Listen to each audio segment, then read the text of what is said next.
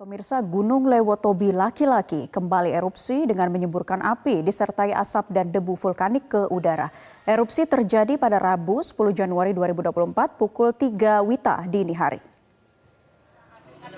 Warga berhamburan keluar rumah karena terkejut mendengar suara gemuruh seperti reruntuhan batu.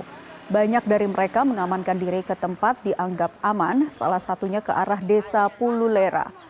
Mereka adalah warga Duli Pali di Kecamatan Ilebura, Desa Hokenjaya, dan Kelatan Lo di Kecamatan Wulanggitang, Flores Timur, NTT.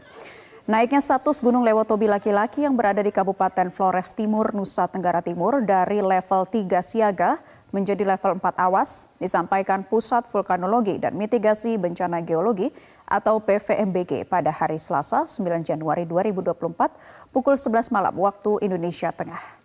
Tinggi kolom abu teramati kurang lebih 500 meter di atas puncak. Kolom abu tampak berwarna putih hingga kelabu dengan intensitas tebal condong ke arah utara dan timur laut.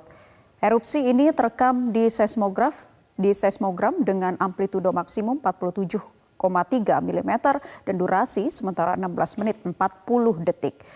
Dan untuk mengetahui informasi terkini, kita telah terhubung dengan kontributor Metro TV, Franciscus Gerardus Molo, langsung dari Kabupaten Flores Timur, NTT.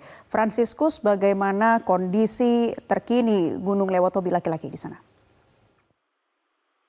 Naila, Pak Birsa, saat kami laporkan bahwa saat ini saya berada di Desa Pululera, melaporkan bahwa pasca erupsi yang sangat dasar pada pukul 3 dini hari.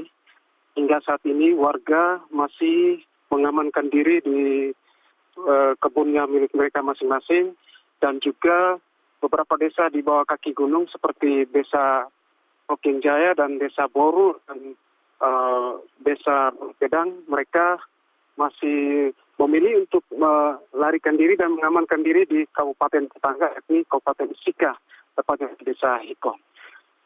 Naila dapat kami uh, sampaikan juga sampai dengan hari ini pasca erupsi ini masih terganggu dengan uh, jaringan internet dan uh, jaringan uh, listrik hingga sini masih padam.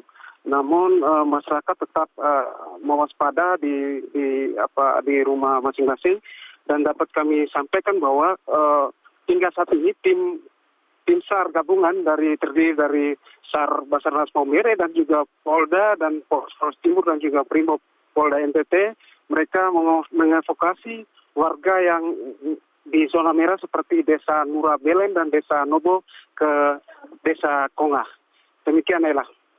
Franciscus ada berapa kepala keluarga yang mengungsi dan bagaimana sejauh ini untuk proses evakuasi yang dilakukan oleh tim terkait?